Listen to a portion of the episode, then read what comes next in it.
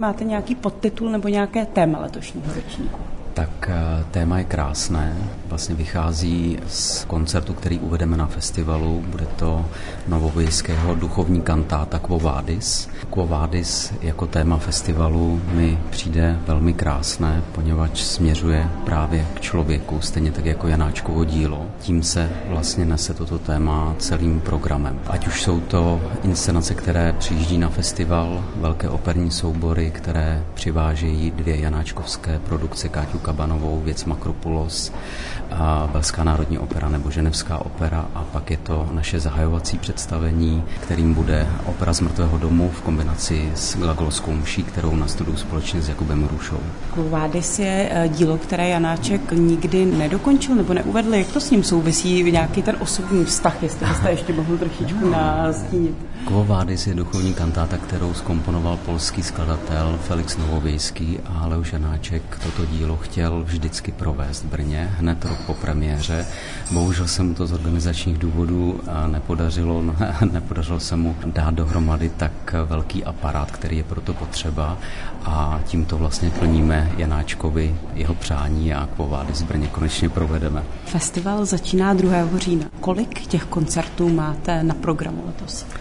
corta. Jestli se nemýlím, je to kolem 20 koncertů, přičemž ta koncertní řada je dělená na dvě části a ta první jsou velké mimořádné orchestrální koncerty.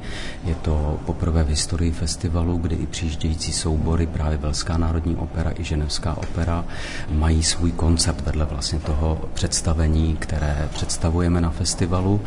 Mimo jiné představí se skvělý švýcarský orchestr, orchestr de la Suisse Romande, pak samozřejmě vedle Velské národní opery, to je ještě symfonický orchestr rozhlasový a pak také orchestr Janáčkovy eh, opery, který právě eh, s americkým dirigentem Johnem Fiorem nastudují onu duchovní kantátu Quo Vadis. Hmm.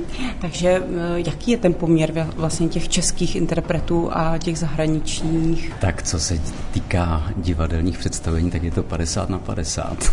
Jsme to vlastně dvě národní divadla česká, brněnské a pražské a pak jsou to dva zahraniční soubory, Velská národní opera a Ženevská opera.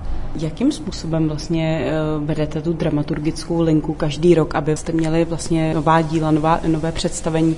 Je tam něco, co vždycky spojuje ten ročník? Jak jste říkal teď téma, ale přesto i jakým způsobem vlastně vybíráte i ty soubory třeba, které eh, přijedou ze zahraničí?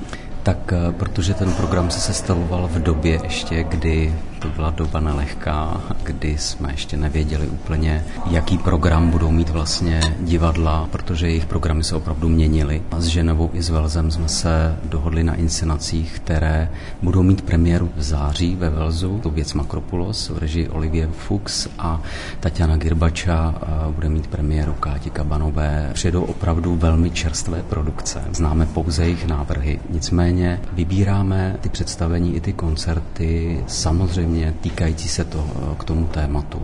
Ať už je to to téma Quo Vadis, které je, jak jsem řekl, spojené vlastně s Janáčkem a to, jak on směřuje k člověku, k jeho vnitřnímu světu a vlastně to téma i téma svobody, které je ukryto nejenom teď myslím té vnější, ale hlavně té, té lidské, té vnitřní svobody. Festival Janáček Brno dává prostor i autorům, novým skladatelům, kteří skládají hudbu. Jakým způsobem vlastně uvádí tato díla. Mám velkou radost, že právě orchestr de la Suisse Romance s Tomášem Netopilem uvedou, dá se říct, ve světové premiéře světu z věci Makropulos v úpravě Tomáše Ileho. Pak je to naše dlouhodobá spolupráce s Janáčkou akademií muzických umění, kde vlastně z naší iniciativy vzešel nápad, abychom realizovali v rámci festivalu ve vzájemné spolupráci nová díla se studenty. Takže jsou to dvě nové opery, které vlastně studenti skladby, režie na Janačkové akademii muzických umění představí divákům. Jsou to dvě díla Noemi Savkové, která se inspirovala Labirintem světa a